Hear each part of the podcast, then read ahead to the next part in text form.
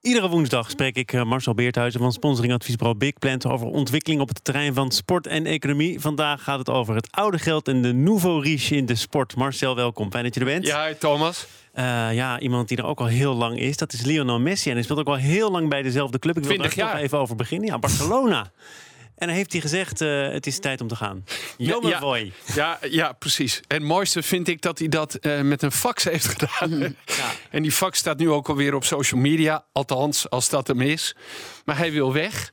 En in zijn contract uh, staat een bedrag van 700 miljoen euro. En hoe, hoe, komt het nooit? Uh, ooit ging Neymar, daar zullen we het zo misschien nog wel even over hebben. Die had 222 miljoen opgeschreven in zijn contract. Dacht er, nou, is toch nooit iemand die dat betaalt. En ja hoor, Paris Saint-Germain betaalde dat. Nu hebben ze 700 miljoen opgeschreven.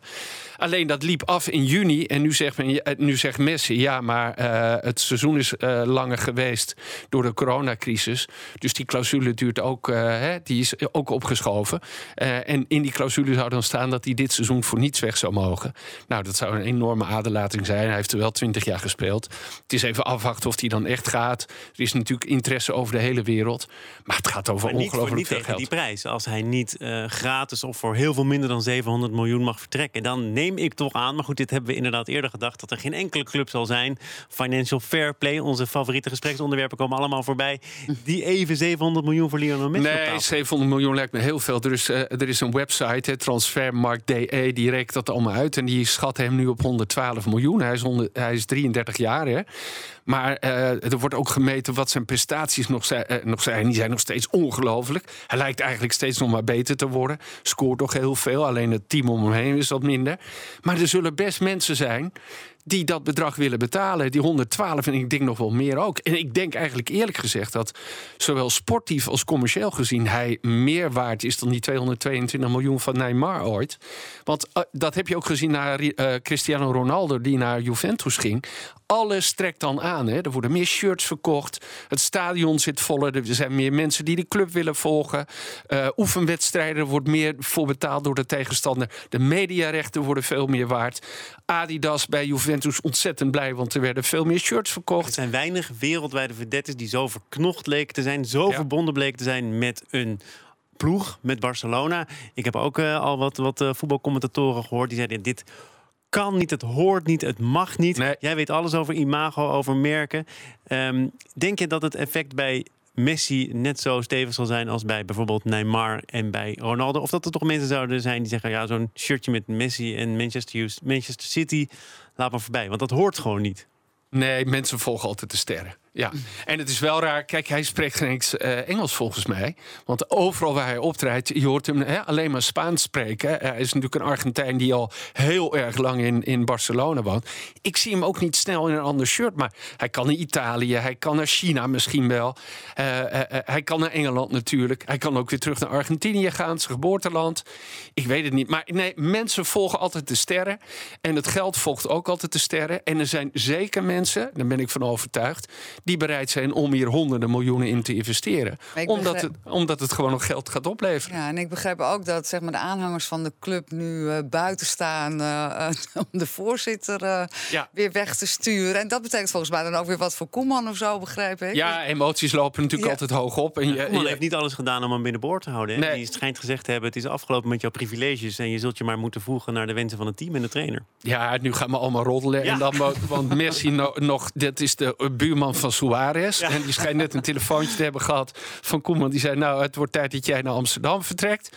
Uh, misschien komen ze samen naar Ajax. Dat zou uh, ook best aardig zijn, zeg. Een van de redenen dat wij het hier natuurlijk over moeten ja. hebben... is dat, dat Messi dacht, ik moet hier weg. Want Barcelona is niet meer de club die nee. mij prijzen gaat opleveren. Uh, dat blijkt ook wel, want in de Champions League finale stond niet Barcelona... maar daar stond Bayern München... Ik neem aan dat jij dat bedoelt met het oude geld, het oude voetbal en Paris ja. Saint-Germain, de nouveau riche. Nou ja, dat, dat, precies uh, is waar ik het over wil hebben. Want uh, zo wordt het dan ook door, door allerlei journalisten in de media, op, op social media gezegd. Weet je, ja, uh, er worden de cijfers vergeleken. Dus Bayern München heeft een selectie van 100 miljoen. Uh, Paris Saint-Germain heeft een selectie die 600 miljoen heeft gekost. Uh, weet je wel, de bedragen die geïnvesteerd zijn in totaal in Parijs 1,3 miljard. En mensen vergelijken het allemaal met elkaar. Salarissen die worden betaald. Paris heeft inderdaad aan twee spelers meer dan 400 miljoen betaald. Hè, dus dat is Neymar. Aan de andere kant, als je gewoon wat eerlijker gaat kijken, dan vraag ik me eigenlijk af: is er wel zo verschil, veel verschil tussen dat oude geld van Bayern München, die ook allerlei spelers hebben weggeplukt in de Duitse competitie? Maar misschien hangt het er vanaf eh, wie er verantwoordelijk is voor die geldstromen. Want je weet natuurlijk vanuit uh, Paris Saint-Germain dat dat oliedollars zijn. En daar wordt dan in de sport wat. Met wat, met wat argusogen naar gekeken. Ja, maar Lewandowski loopt uit zijn contract bij Borussia Dortmund. En Bayern München die pikt hem gewoon op, weet je wel, voor niets. En dat is een speler die meer dan 100 miljoen waard is, denk ik. Nou, niet toen hij kwam, maar nu zeker. Weet je, dus ook dus ik vind het bijna, geen eerlijke vergelijking. Ik vind het bijna een beetje on, oneerlijk. Nou is uh, Qatar, hè, die zit daar natuurlijk achter. Die hebben ongelooflijk veel geld in Bayern München. Er zit geweldig bestuur. Uh, het, zijn ook, het is de gezondste voetbalclub ter wereld. Uh, die, die miljoenen winst maken uh, omzet hebben van meer dan 800 miljoen en 165 miljoen winst maakt de afgelopen jaar.